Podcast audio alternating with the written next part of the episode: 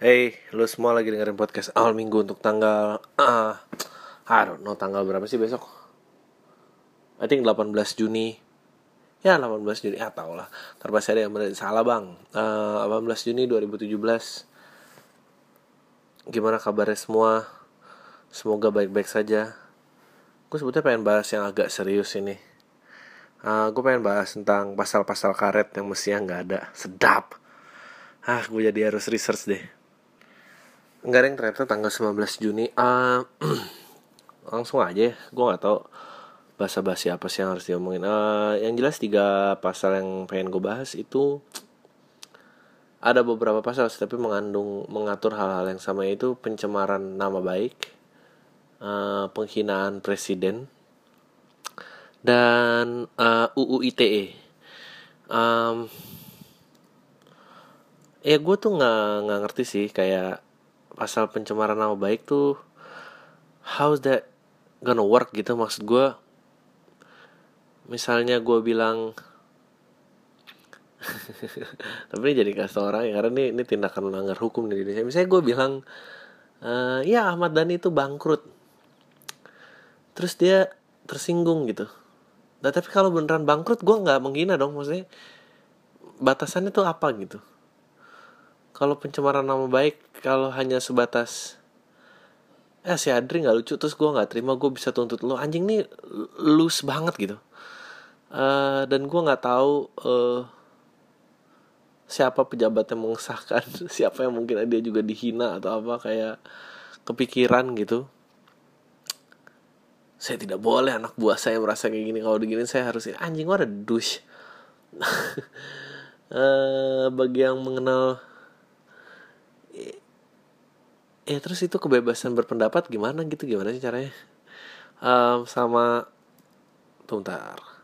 Gue gue nyari nyari dulu pasal sabar sabar sabar.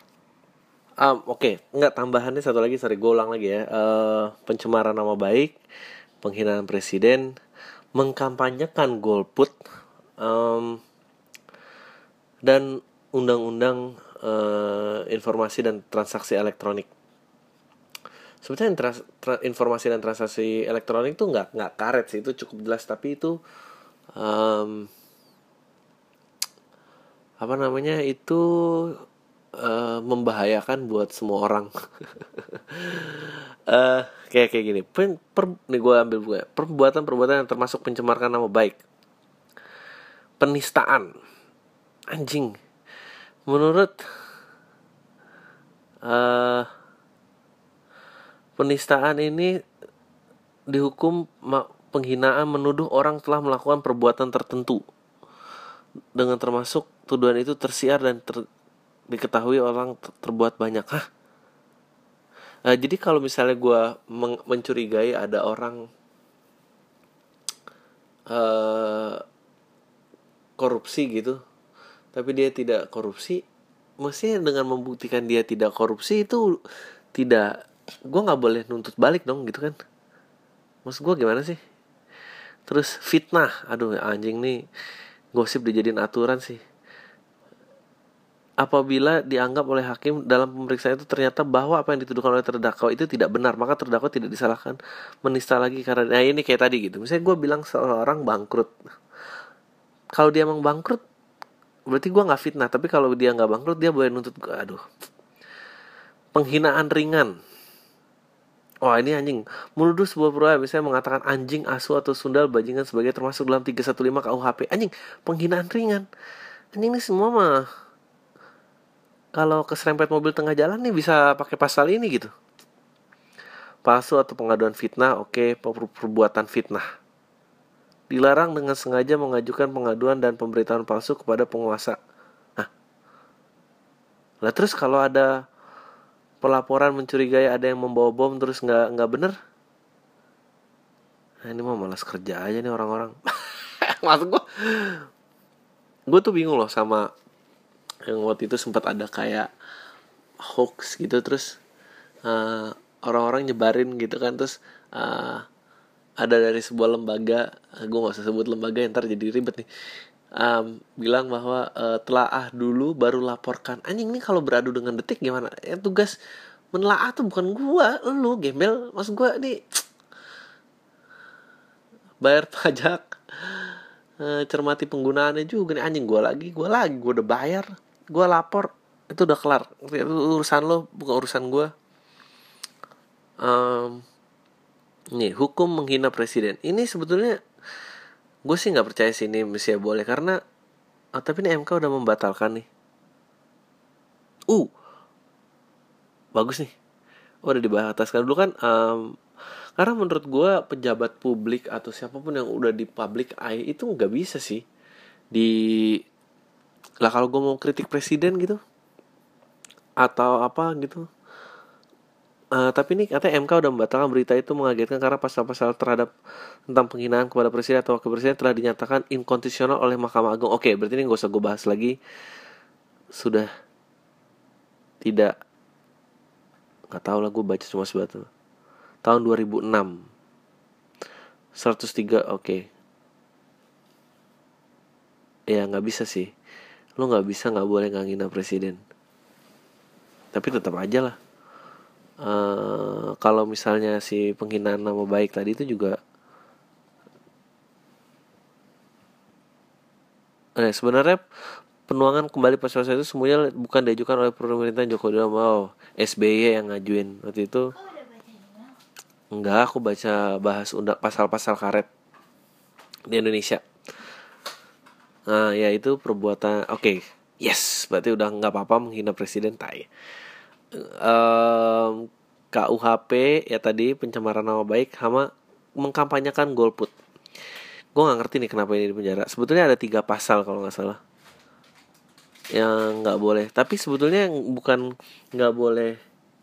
Sebetulnya yang dilarang itu mengajak warga lain menjadi golongan putih atau tidak memberikan suaranya pada pemilu karena dianggap oh, dia menghalangi orang lain untuk berpenjara ini sih emang harus dipenjara sih. Nah itu sebetulnya semua orang yang menghalangi karena kemarin isu-isu kayak lo harus milih karena uh, ada tekanan karena lo mungkin satu ras atau satu aliran atau apa itu itu itu sebetulnya bisa dikenain pasal ini. Ya mestinya golput itu hak pribadi sih. Uh, tapi kalau mengajak dengan kekerasan ya itu mengajak kekerasan pilihan A dan pilihan B mestinya sih dipermasalahkan Nah, sama yang paling berbahaya adalah menurut gue yang sekarang ya UU INT UIT sih. Ini um, karena gini uh, sebetulnya spying dan dan dan dan hidden recording dan um, itu tuh bisa dijadikan alat bukti yang sah. Tapi semua itu atas perintah pengadilan atau sebuah konstitusi gitu di mana lo harus mencermati sebuah kasus dan lo diutus dan lo ada di situ pihak itu awal aware um, tapi susah ya. Sekarang kalau misalnya um, karena gini ya kayak kemarin nih kasus um, orang yang ditangkap karena dia chatting porno dan segala macam anjing itu gimana coba itu urusan masing-masing kali lu nggak bisa menjelat orang dengan itu tuh hak pribadinya kecuali memang uh, ada seseorang yang diutus emang untuk menyimak itu dan kalau misalnya ada rekaman rekaman satu jam gitu pun hanya rekaman yang berkaitan dengan itu pun boleh diperdengarkan dan itu mestinya dilempar ke orang lagi sebuah lembaga yang memutuskan uh, uh, uh, jadi misalnya lu menuduh gue uh, korupsi gitu ya. Terus di dalam rekaman korupsi itu uh, eh, gue ada rekaman di mana gue uh, bisnis ilegal atau pembongkaran lahan atau apa. Nah itu nggak uh, bisa diperdengarkan gitu dan orang orang yang mereview rekaman tadi mestinya uh, mengkat dan dan dia yang menyeleksi dan dia tidak bisa bersaksi. Seperti itu kecuali ada perintah lagi penyidikan untuk sebuah kasus yang berbeda gitu. Tapi um, dengan elektronik dan segala macam ini susahnya adalah once it's out terus gimana gitu maksudnya kalau orang ini ini ini yang susah dari um, dengan ini yang yang susah kayak uh, WikiLeaks atau apa gitu uh, bahwa um, ada orang-orang yang percaya gue sih nggak seradikal itu. Jadi uh, ini antara kiri dan kanan. Kiri menjadi liberal kanan itu uh, konservatif. Gue tuh agak kanan. Meskipun gue percaya ada azas-azas uh, liberal yang yang gue percaya gitu. Uh, um, namanya gue mau ngomong apa sih tadi? Nggak nggak nggak. Gue gue orangnya agak kanan meskipun ada azas liberal yang gue percaya ah tahu ah gue ngomong apa. This is why kenapa gue nggak mau nge-research omongan gue karena gue jadi mikir susah. Um, ya UU ITE dan kalau lu tidak uh, ada jurisdiksi uh, eh kayak kemarin deh ada tim klub NBA yang tersebar ya, yang akhirnya dia harus di kick dari lembaganya. Uh, gara-gara terdapat rekaman dia tuh uh, rasis. Dia memiliki sifat yang rasis terhadap pacarnya. Nah, si pacarnya itu tidak bisa menggunakan barang itu sebagai bukti di pengadilan unless unless ada perintah dari pengadilan untuk menyelidiki tingkah laku si A. Tapi yang susah adalah pada saat ini keluar, ya semua orang udah percaya rekaman itu. Oh, gue inget gue mau ngomong apa. Gue ada orang-orang yang percaya kayak yang penggeraknya WikiLeaks dan apa uh, uh, percaya bahwa informasi itu tidak boleh ditahan. Informasi adalah milik semua orang. Jadi apa pun borok dan itu mestinya keterbukaan. Nah, gue tuh uh, uh, gue nggak sepercaya itu juga meski gimana ya gue gue agak kan itu itu itu itu gue nggak tahu sih ya ini makanya gue masih berpegang pada azas ya makmur dulu sebelum beradab uh, eh, gue nggak tahu keosan macam apa yang yang pada saat oke okay, semua boleh diselidiki nih semua boleh ya udah kita kita kita cari tahu ke, ke a, apa gitu. Gue gue masih percaya sama lembaga kenegaraan sih daripada orang gitu atau swasta yang yang ngajar gini gitu. Uh, balik lagi ke itu. Nah uh, si orang yang lagi diperiksa ini yang namanya tidak boleh disebutkan. Eh namanya boleh disebut sih. Ya lu bisa tebak lah kira-kira. Um, dia mestinya dijerat dengan masalah. Itu gue nggak tahu ya. Aduh sebetulnya itu gampang ya kalau mau jerat yang gitu-gitu. Lu lihat sebuah um, nggak tahu ya kita tuh aturannya sama nggak ya? Sebetulnya sebetulnya jerat dari pajak aja sih. Karena gue yakin gak ada yang lapor pajak tuh orang-orang itu apa punya pemilikan penghasilannya nggak ada? Um, itu paling gampang sebetulnya. Jangan UU ITE sih. UU ITE ini akan fuck people's up. Ini akan menghalangi kebebasan apa pun yang lu milikin. Um, Edward Snowden tuh bilang bagus banget kayak uh, dia dia ngomongin privacy tapi dia bilang uh, uh, kalau lu nggak percaya dengan privacy dan lu selalu bilang ya periksa aja karena I have nothing to hide. Lu tuh sama aja nggak percaya sama free speech because you have nothing to say. Uh, dan itu anjing itu bener banget. Karena, karena, karena ini ini dia kenapa gue nggak percaya oh gue orangnya kiri gue orangnya kanan. Gue nggak percaya uh, orang-orang memilih figur A dan karena karena para apa sih lo pasti setuju dengan beberapa azas tidak setuju dengan beberapa azas. Dan dan itulah manusia itu yang yang yang harus lo lo pikirin gitu. Uh, bapak perumusan funding father siapa kan? Thomas Jefferson ya? Is he one of the guy? Ah ada tidur dia. Um, gue percaya banget gue suka banget sama ini uh, pertama kali azas uh, Amerika dibentuk Amerika mau uh, membebaskan dirinya uh, dari Inggris. Tiga poin utama jadi ini naskahnya berapa kali di amandemen tapi tiga poin pertama itu nggak pernah di amandemen adalah in order to pursue life eh in order to uh, for the sake of life freedom and the pursuit of happiness. Wih, makanya dia mau menjadi entitas sendiri gitu. Uh, meskipun pada prakteknya banyak kesalahan, tapi um, itu itu menurut gue life freedom in the and the pursuit of happiness itu even uh, kalau kalau kita kan masih kayak uh, pemersatu uh, ke kedaulatan kita ini ini ini mungkin karena Amerika semua sifatnya pendatang kali ya um, tapi gue percaya gitu meskipun gue nggak se percaya seliar WikiLeaks gitu bahwa wow informasi all in gitu. Um, ya gimana ya ya gitu deh.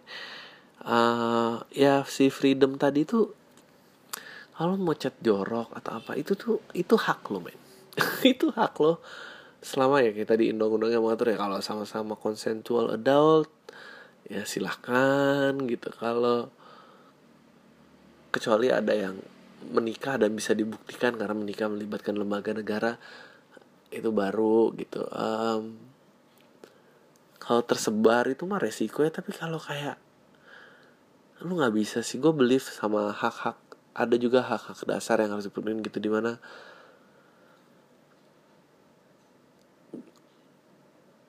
ini akan berkaitan dengan ganja dan segala macam. Gue percaya negara nggak ber ya in order for life, freedom and pursuit of happiness. Apa yang bikin lo happy gitu? Um, negara tuh tidak berhak ikut campur uh, dalam bagaimana lo mau menjalankan hidup lo baik. Itu tadi uh, makanya kalau di luar sih udah udah sampai hak untuk mengakhiri hidup ya gitu. Uh, anjing nih ribet nih membahas pokoknya ya udah nggak usah banyak yang oh, oh ya can you can you please kalau lo mau diskusi diskusilah sama temen lo. J jangan diskusi di komen gitu. Gue kemarin marah banget dan lo bisa lihat komen gue uh, di tamu kemarin. Udah tahu bukan konsumsi umum dan itu dan gue udah take out beberapa kata dan masih disebut juga langsung gue dilihat sih. Gue bilang kayak anjing lo goblok banget lo aduh. Jadi gini gue ya ya lu juga sih Dri pengen ngebahas yang aneh-aneh tapi padahal lu orangnya yang yang nggak gitu. Tapi karena kalau nggak pernah gitu diskusinya nggak akan pernah maju gitu uh, uh, ya. Jadi gue berasa kayak lagi ngelak-ngelakin tembakan laser gitu biar nggak kena aturannya di mana. Eh diskusi lo sama temen aja deh. Uh, apa tadi? Life freedom. Oh ya oh, gue tidak gue percaya uh, hak-hak untuk hidup gitu. Negara tuh tidak berhak untuk intervene. Seperti uh, uh, pendidikan eh gue percaya negara mesti harus menyediakan hak-hak orang basic orang untuk hidup yaitu uh, sandang pangan papan pendidikan. Nah ini yang gue sebut dengan kemakmuran dulu ya. Pendidikan um, sandang pangan papan ya pasti akses air bersih apa segala macam uh, tapi gue juga percaya mestinya hak, hak uh, negara melindungi kebebasan individu untuk menjalankan hidupnya. Entah mau gaya hidupnya sama siapa ya kalau di luar negeri mungkin di Belanda gitu udah ngepush sampai um, hak untuk mati dan segala macam uh, beragama seksualitas lo uh, uh, siapa yang ada di rumah tangga lo siapa um, kalau memang dia mau melaporkan ke negara misalnya dalam institusi pernikahan nah dia mendapatkan keuntungan keuntungan seperti biasa lah kalau lo mau melibatkan negara misalnya negara menyediakan keuntungan-untungan um, uh, kalau di Australia itu orang tinggal ini kemarin juga ada beberapa yang nanya tentang uh, ya gue bahasnya di sini aja sekalian kayak apalah LGBT apa segala macam. Gue uh, ya gue tuh gue tuh gue menghindari biar nggak debat di komen. Iya Dri kita tahu. Uh, dulu kalau di Australia uh, ini juga baru disahkan gue tahun waktu gue kuliah kayaknya belum lama dari itu. Jadi ceritanya uh, kalau lu nggak mau nikah nggak apa-apa negara nggak berhak intervene. Tapi jika lu terdaftar di alamat yang sama setelah berapa tahun negara menganggap lo seperti uh, uh, uh, unit keluarga therefore pajaknya lebih tinggi. Which is fine gitu kan bisa diatur kayak gitu gitu. Nggak nggak harus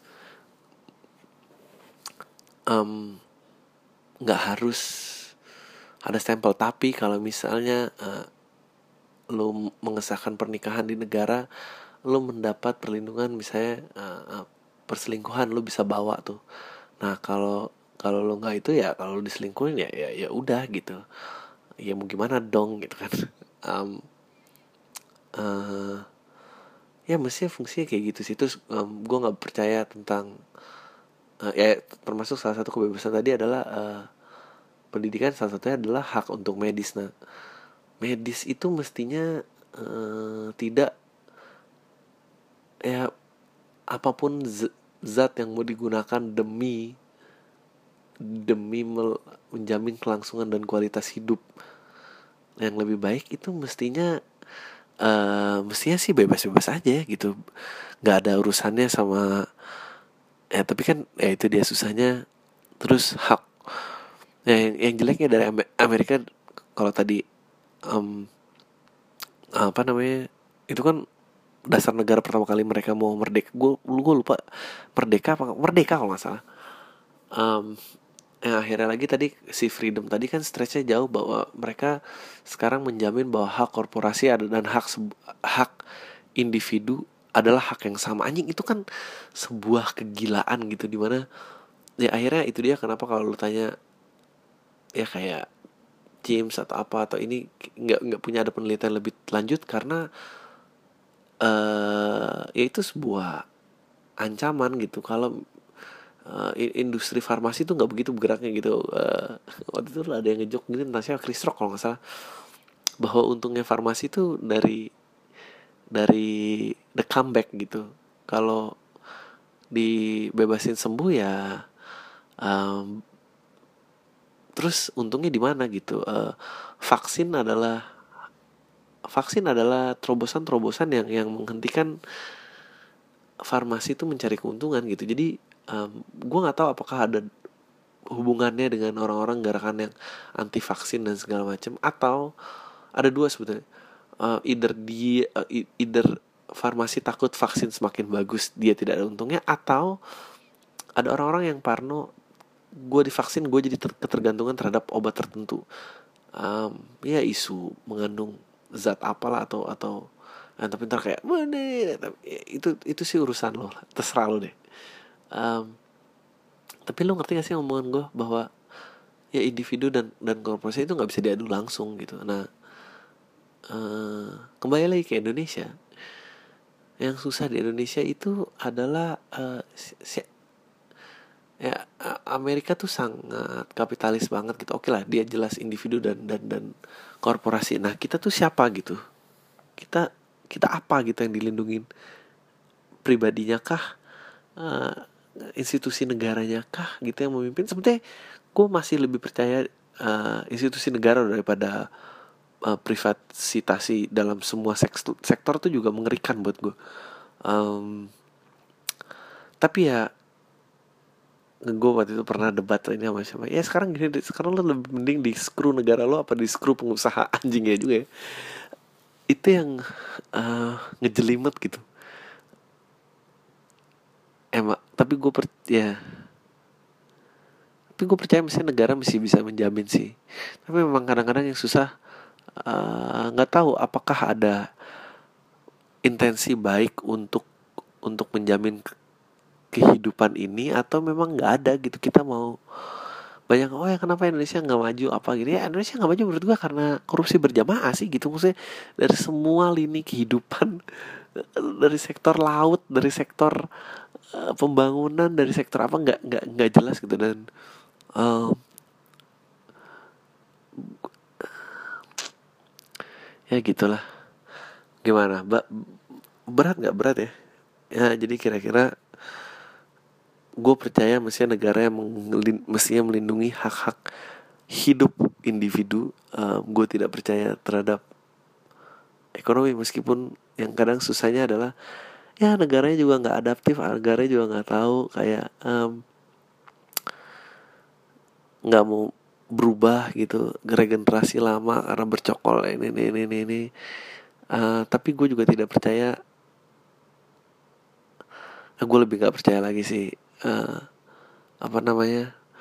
Ya kalau lu bandingin gitu negara Eropa sedangkan Amerika memswastakan penjara gitu.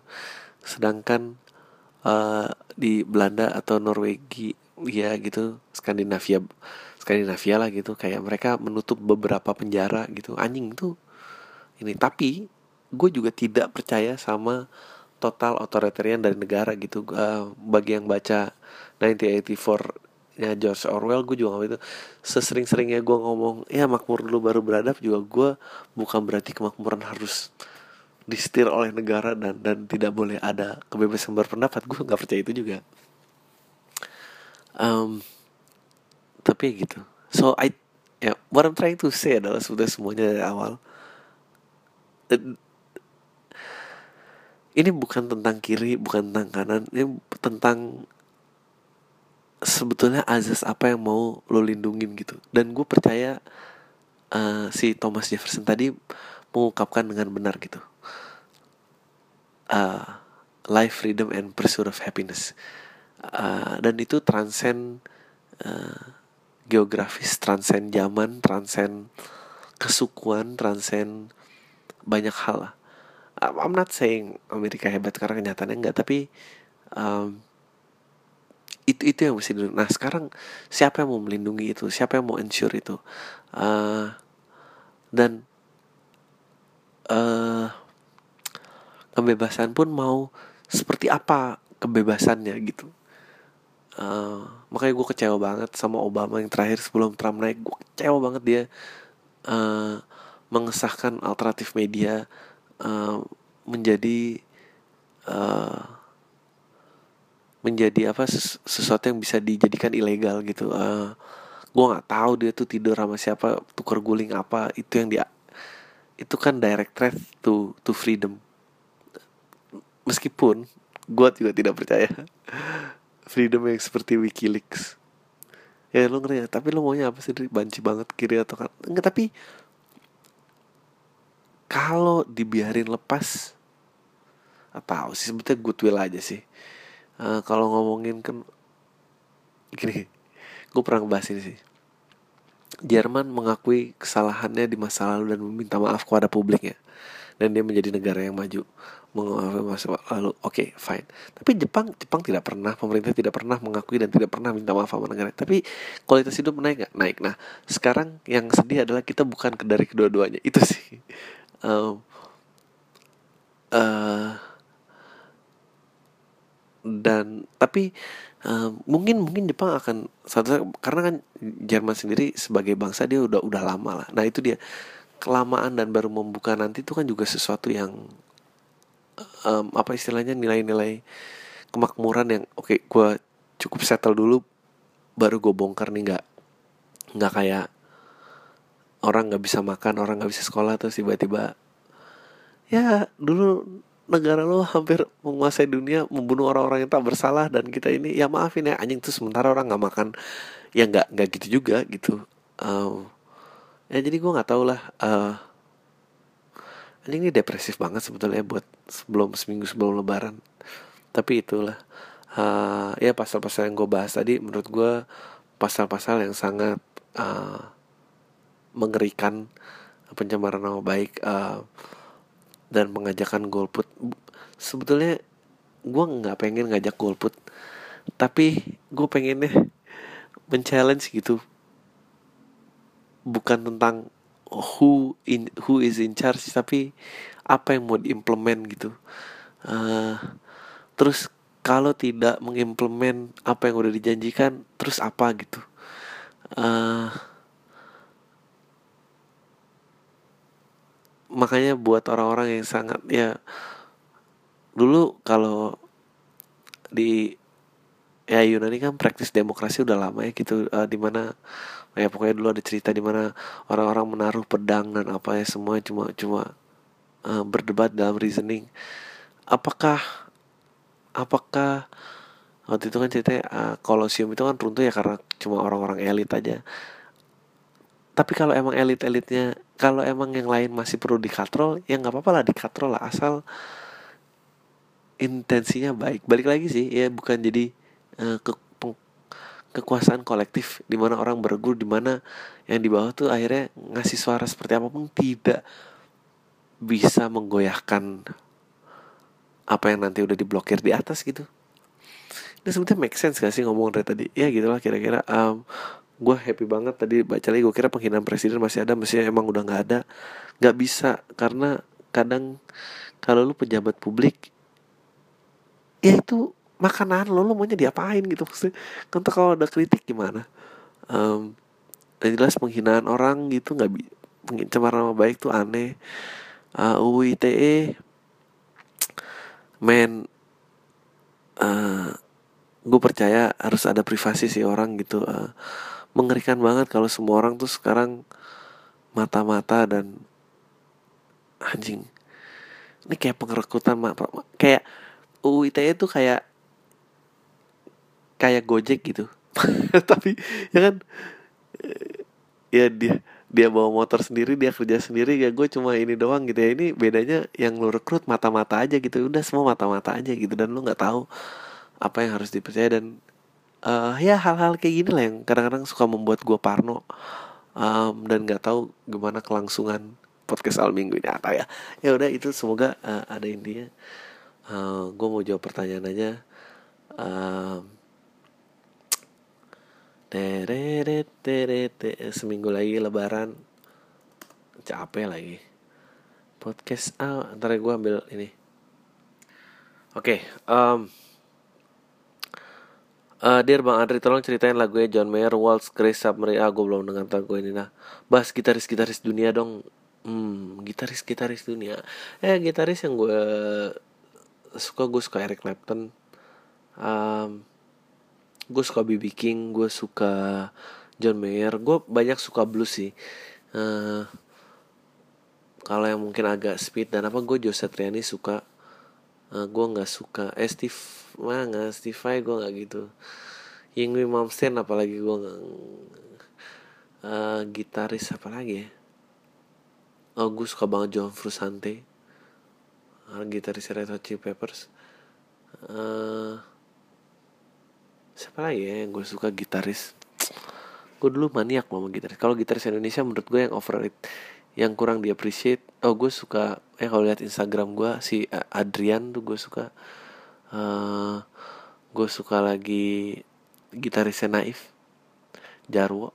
Gue suka lagi sebetulnya tuh orang itu jago banget sih. Siapa itu uh, Baim ya TDC itu orang itu jago banget. Orang gila itu mainnya. Tapi ya dia biasa aja gue suka yang agak mengenyuh jiwa gitu loh. Uh, gue suka gugun gugun. Mm. uh, siapa lagi ya? Kayak gitulah. Jawab di podcast bang uh, gue cewek gue sering susah konsen kata temen cowok gue efek kebanyakan nonton bokep. Shit. Gue tahu sih dia nggak salah bercanda tapi gue kepikiran apa iya. Entah dari mana dia gue suka nonton bokep. Menurut lo bener nggak bang? Anyway gue benci banget kena dengar ketawa lo tengil. Anjing udah nih um, nggak tahu ya. Uh, yang jelas mungkin ada efek dengan kebasian dengan hal-hal yang menarik. Um, gue dulu ada temen yang kalau nggak ada ceweknya dia nggak tertarik gitu. Kayak kalau nggak ada yang seksi nggak ada yang apa dia malas gitu kumpul. Ya mungkin ada efeknya ke situ. Uh, ada cewek nggak ada ah malas gue gitu. Kayak ya mungkin ada efeknya ke situ. Jadi kayak kalau hal-hal yang biasa yang kurang memacu jantung lo jadi um, biasa aja gitu. Bang once lu pernah bilang Ahmad dan itu jenius tell us why. Anjing uh, Jenius lah. Uh, Gue gak tahu ya lu grow up dengan apa. Gue tumbuh dengan Dewa gitu. Uh, terutama sejak uh, terbaik terbaik Pandawali masih lu lu dengerin sekarang aja itu masih hold up loh dan dan susah gitu. Uh, lagu-lagunya susah lagu-lagunya kayak nggak mikirin market gitu tapi laku. Um, terus sebetulnya Once awal sebetulnya waktu dia Ahmad Band pun lagunya keren-keren banget. Teh beda dari di kesu kesunyian bagus banget gitu. Uh, apalagi ya terus kayak uh, satu tuh tung duru wah bagus banget tuh multi tafsir gitu. Uh, ya. Itu dia tentang surreal komedi macam Eric Andre dong jawab dia bang ah nggak tahu gue Eric Andre siapa. Oke. Okay. Baru ku sadari Cintaku bertepuk sebelah tangan.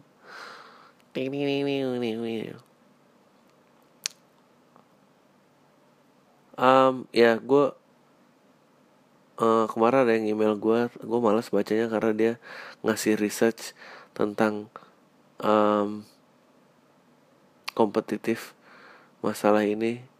Uh, terus dia apalah segala macem. Uh,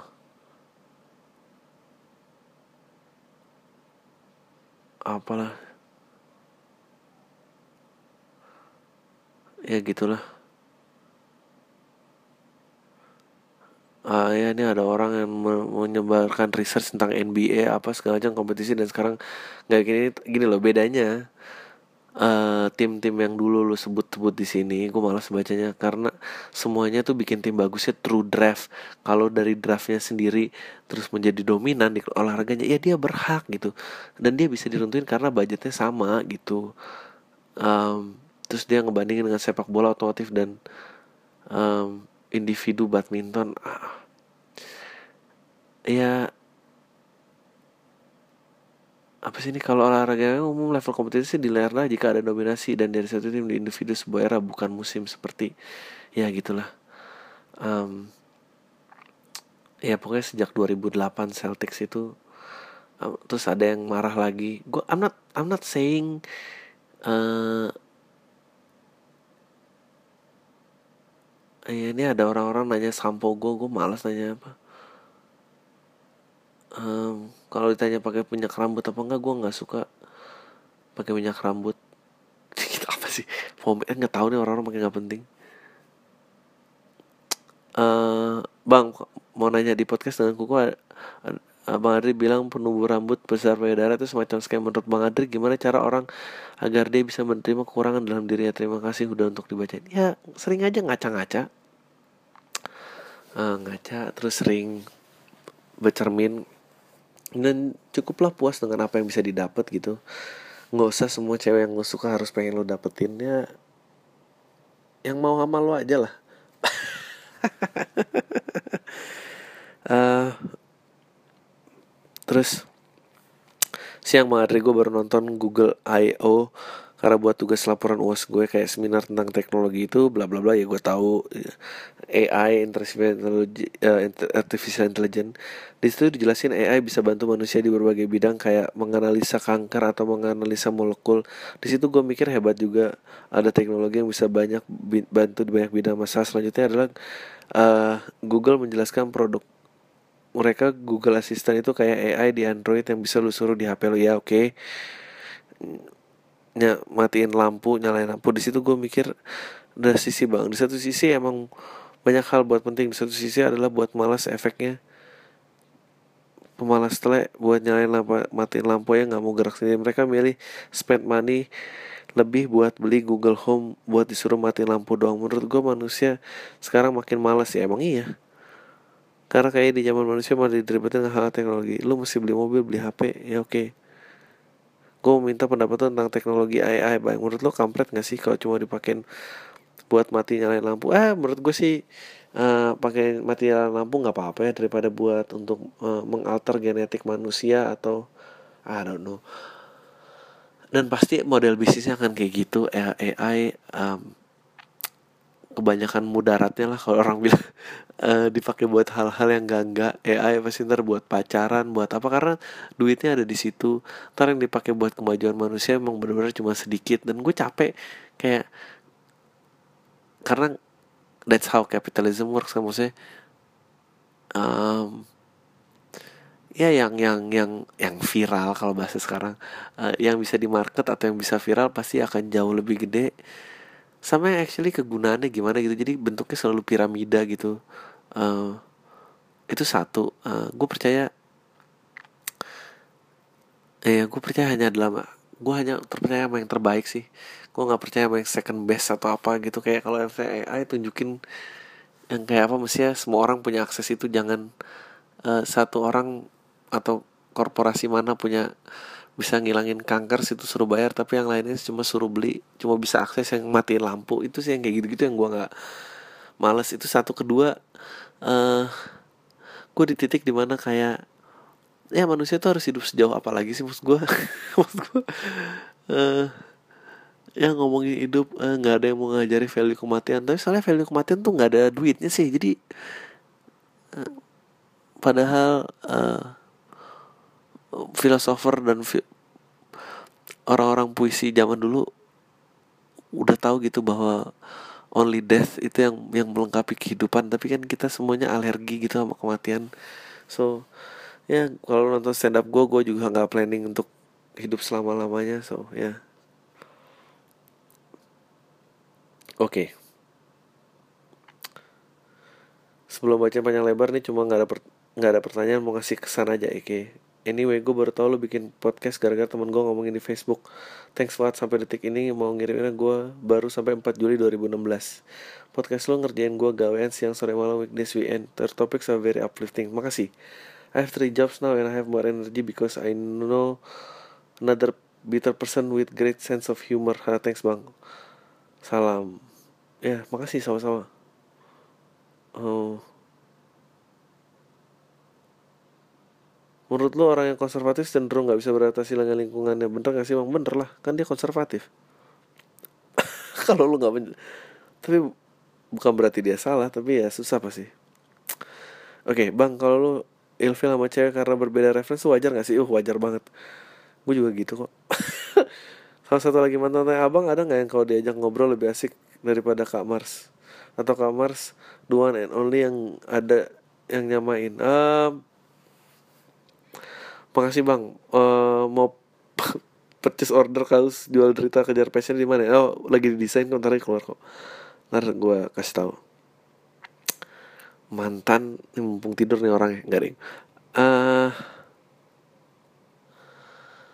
pada eranya sih iya, sih gitu. Either either dia outgrow gue atau gue outgrow dia sih biasanya sih. Uh, ya gitu sih pada eranya uh, ya. Tapi sisanya enggak sih. Kebanyakan mungkin enggak sih. Seperasaan gue sih enggak. Bahas di podcast ya tentang NBA nah kan nih dia juga marah. Pendapat bahwa Golden State Warriors kita nggak bisa mendiskreditkan apa yang Golden State udah bangun bang. Dia ngebangun tim dari awal. Iya gue nggak bilang dia bilang gini e, mereka bisa nge-trade Duran karena bintang lainnya di draft Duran dapat ring di Golden State. Emang pantas lah sama yang udah dilakukan 9 tahun di OKC dan gak dihargain sama manajemennya. Buang Harden gini gue nggak bilang Golden State nggak nggak deserve the ring. Golden State deserve the ring. Dan menurut gue Golden State bisa menang tanpa Kevin Durant. Golden State tuh nggak menang tahun apa bedanya sih Golden State sekarang sama tahun lalu persis kok. Golden State aja nggak punya medal, mental juara. Makanya dia udah leading 3-1 aja dia masih kalah. Lo tau gak sih? Tim sebelum tahun kemarin itu kalau nggak salah cuma ada tujuh tim yang pernah menang dari ketinggalan 3-1 tujuh tim. Dan tahun itu kejadian dua. Golden State menang lawan dari OKC OKC uh, menang dari OKC Cavaliers menang dari Golden State. Kalau lo mau balik lagi oke sih sebetulnya bisa ngalahin Golden State. Dan Golden State sebetulnya bisa ngalahin Cavaliers. Jadi sebetulnya bisa dan dia memilih untuk meninggalkan yang dikit lagi. Dia mau bisa menangin gitu. Ah tahu ah ya inilah kenapa gue nggak mau. Ah. Ya lo bikin podcast lo aja lah dengan pendapat lo itu sih pendapat gue gue kenapa gue suka tahun 90-an dan tahun 2000 gitu um, gue percaya Tracy McGrady Hall of Famer. Gue percaya uh, uh, bukan Grant Hill siapa satu lagi? Chris Webber Hall of Famer. Apakah mereka dapat cincin? Enggak men. Uh, kayak Miami tahun 2006 juara gitu. Itu udah tua-tua semua ya. Gary Payton uh, Alonzo Mourning kalau nggak salah Shaquille O'Neal udah tua gitu. Baru dia gabung eh gue main ini ya bareng apa nggak kayak sekarang gitu. Jadi kalau kalau lu lihat dari tahun kemarin gitu ya tiga satu tiga satu tiga satu dua kali dan menang berarti sebetulnya oke sih bisa ngalahin Golden State dan Golden Golden State bisa ngalahin oke sih jadi kalau itu oke sih pun bisa ngalahin mereka. It's just it was the closest thing they ever got and they decide to go. Itu aja sih. Emang ma manajemennya rese. Kan gue ngerti kalau Duran pindah tapi du Duran tuh pemain sekelas LeBron James lalu mau kayak Robert Horry doang gitu banyak cincin tapi cuma menang menclok menclok gitu gimana sih? Atau nah ini gue karena suka Duran aja sih ini yang pertama gue sejak dengerin Pam episode 1 Gue udah ngikutin dari open rap Panji. Beat lu dan isi Pam sering gue jadi bahan obrolan di kantor Dan alhasil gue dikenal untuk cukup lucu di kantor Tai. Uh, gue nonton LPK sore sama pacar gue yang sebulan lagi jadi istri gue sedap. Uh, dan sempat keganggu karena di sebelah gue ada tiga anak empat muda baru belajar stand up kayaknya yang nonton lu berisik banget. Padahal udah enak dapet kursi di tengah. Sial lah uh, langsung aja bang gue kerja di digital agency gue mau tanya gimana caranya keluar baik-baik dari grup WA kantornya bang yang isinya karyawan-karyawan semua yang masih ada dan sebagian karyawan yang udah resign nggak ada bos di situ jadi minggu ini uh, lagi pada ngomongin THR yang belum turun. Mungkin pada saat ini THR udah turun atau mungkin udah habis malah. Gue kesel banget. Apa gunanya ngomongin gituan di grup kantor? Malah ada karyawan lama yang akhirnya pelan-pelan karyawan yang udah resign itu left juga karena merasa risih. Ya left aja. Yang namanya juga edisi kecil wajar agak telat. Yang penting masih belum lebaran. Gue ngomong ini bukan karena gue nggak butuh, cuma karena gue ngerti kondisi aja. Katrol lah semua. Dalam hati gue gue pengen bilang kalau lu mau on time THR jadi PNS sono. Nggak perlu tanya-tanya kalau THR turun. Dan juga ada berita di internet. Bang kalau ada acara ada acara di share ya, ya untuk jawab pertanyaan lo resign resign itu kantor itu nggak perlu disetan lah. Selain harusnya pemerintah tuh buat undang-undang isi karyawan boleh aja left group kantor. Walaupun masih di kantor tersebut tanpa harus kena sanksi sosial. Aja yang bener. Thanks bang buat pamnya. Kalaupun berbayar gue mau bang tapi jangan mahal-mahal THR belum turun ya. Ya terima kasih ya. Uh, bang sebagai orang yang gak ngaku banyak punya teman udah berapa kali buka puasa bareng teman-teman. Sama teman SD SMP SMA kuliah atau komunitas. Masih ketemu teman-teman terus selama pamer nggak? Enggak gue actually tahun ini gue buka puasa cuma uh, tadi uh, bareng anak-anak stand up komunitas uh, karena gue udah nggak nyambung dan gue udah nggak mau ketemu lagi kuliah gue udah nggak ketemu lagi uh, dulu. Gue ada teman-teman kerja yang masih bareng karena tapi cuma lima orang atau enam orang karena dari kantor itu cuma ya orang-orang itu dong yang gue nyambung sih saya enggak SD gue udah males SMP males SMA males kuliah males. Ya kerja dan stand up lah karena itu gue rasa uh, masih dalam kehidupan gue gue udah banyak kan gak nyambungnya sama orang dan nggak pengen nyambung juga gue rasa. Um, sih saya ada teman-teman istri gue tapi ya udah. Uh, nah apa by the way kosa kata gue bertambah setelah dengerin pam dari kata relate tele dan lain-lain. Makin terdengar cerdas letai. Uh, ya gitu. Assalamualaikum Waalaikumsalam. Gue gue masih semester akhir. Gue punya masalah dalam pertemanan Aduh. Jadi di awal-awal kuliah gue tuh kayak gak punya temen Oke. Okay. Gue gak tahu kenapa Tapi akhirnya gue sadar kalau gue ternyata so asik Bagus lah. Dan gue baru sadarnya di semester 2 perkuliahan. Which is selama ini setahun gue merasa kesepian gue Sampai dijudge beberapa orang di kelas gue sering dianggap remeh Yang mereka mampu buat bikin teman-teman yang lain terinfluence buat jauhin gue Singkat cerita mereka yang remehin gue itu cabut dari kampus DO selama mereka nggak ada gue jadi introspeksi dan singkat cerita gue bisa ngebuktiin diri gue ke teman-teman di tahap perkuliahan selanjutnya.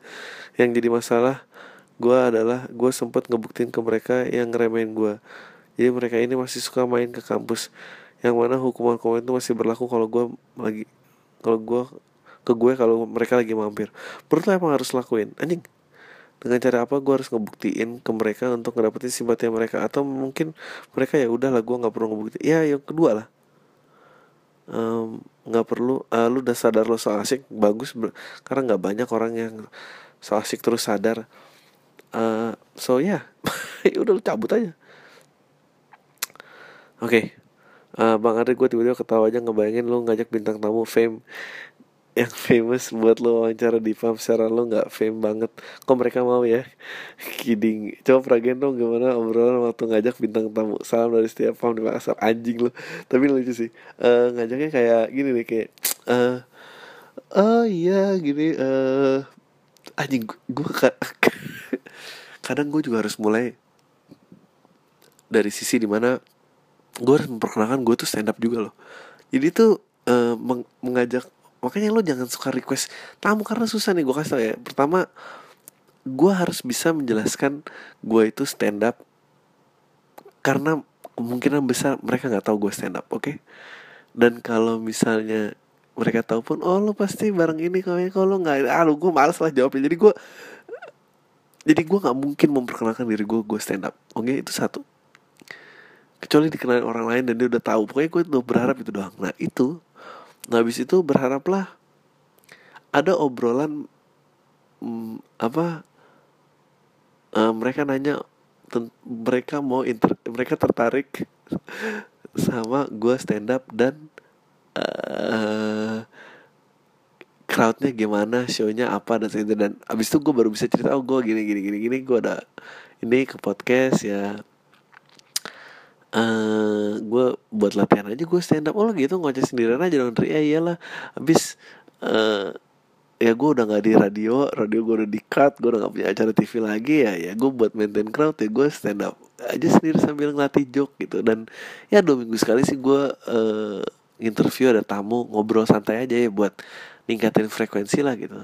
Habis itu baru tuh gue by the way eh, lo kalau kosong mau gak sih jadi tamu? Mau ya tapi ini nggak ada budgetnya Iya nggak apa-apa lagi santai. Yang bener lo lo kayak gitu aja pakai ngomong yang enggak kan gue nggak tahu gue harus bilang dong ke lo gue tahu gue gue harus ke lo apa ke manajer lo enggak gue aja. Nah kalau udah kayak gitu uh, baru tuh oke okay tuh. Kalau enggak susah main kerja keras nih gue um, ya. Yeah. ya gitulah ceritanya. Tapi kalau kayak uh, ya gue sih udah udah nggak pernah mau berusaha memperkenalkan gue siapa ya gitu. Biasanya orang-orang lain aja gue sih biasa aja oh ya hai hai halo. Apa eh gue ngefans banget akan pekerjaan lo bla bla bla. You're doing a good work. Abis itu gue menghindar sih gue nggak perlu nggak perlu merasa dia harus tahu gue. Kalau misalnya apa gini ah ada ada ini apa? Gitu gue baru oke okay, gitu. Pokoknya lama lah. Lama lah susah. Um, Bang Maris, sebentar lagi saya di daerah itu kan giliran pemilu Cuma standar Mimpin di daerahnya tinggi banget sampai udah digerogotin partai gitu rame banget. Partai mau ngambil nih orang untuk menuju RI 1. Ini solusinya gimana nih padahal standar yang tinggi itu perihal standar yang tinggi. Dalam hati kalau bagus nggak apa-apa diperpanjang tiga kali masa gitu. By the way bang, nah oke okay. lucu banget yang ngukir sendal. Uh, kata gue agak nggak ngerti sih email lo. Ya kalau gue perpanjang gue juga bingung sebenarnya kenapa kita harus cepet banget berubah kayak sistem Amerika ngikutin sistem Amerika negara yang udah 300 tahun lebih gitu. Langsung uh, oke okay lah kita kita punya bad experience tentang um, memilih presiden tidak langsung dan dari partai gitu. Uh, kita ada problem dengan otoritarian ada yang pernah berkuasa gitu. Berpuluh-puluh tahun itu nggak ada. Habis itu kita memilih partai untuk menunjuk presiden. Akhirnya kita stuck dengan orang-orang lama. Habis itu langsung pemilihan presiden langsung langsung ngikutin langsung termin dua kali kayak di Amerika gitu. Dan gue kayak anjing. Uh, kalau pondasi udah terbangun udah terbangun mantap gitu terus ada swing ada swing kekuasaan yang yang sering sih nggak apa-apa. Cuma kalau kayak kita gini aduh capek banget. Akhirnya dan orang Indonesia tuh pinter ya. Akhirnya cuma kayak dijadiin kondisi aji mumpung dong gitu.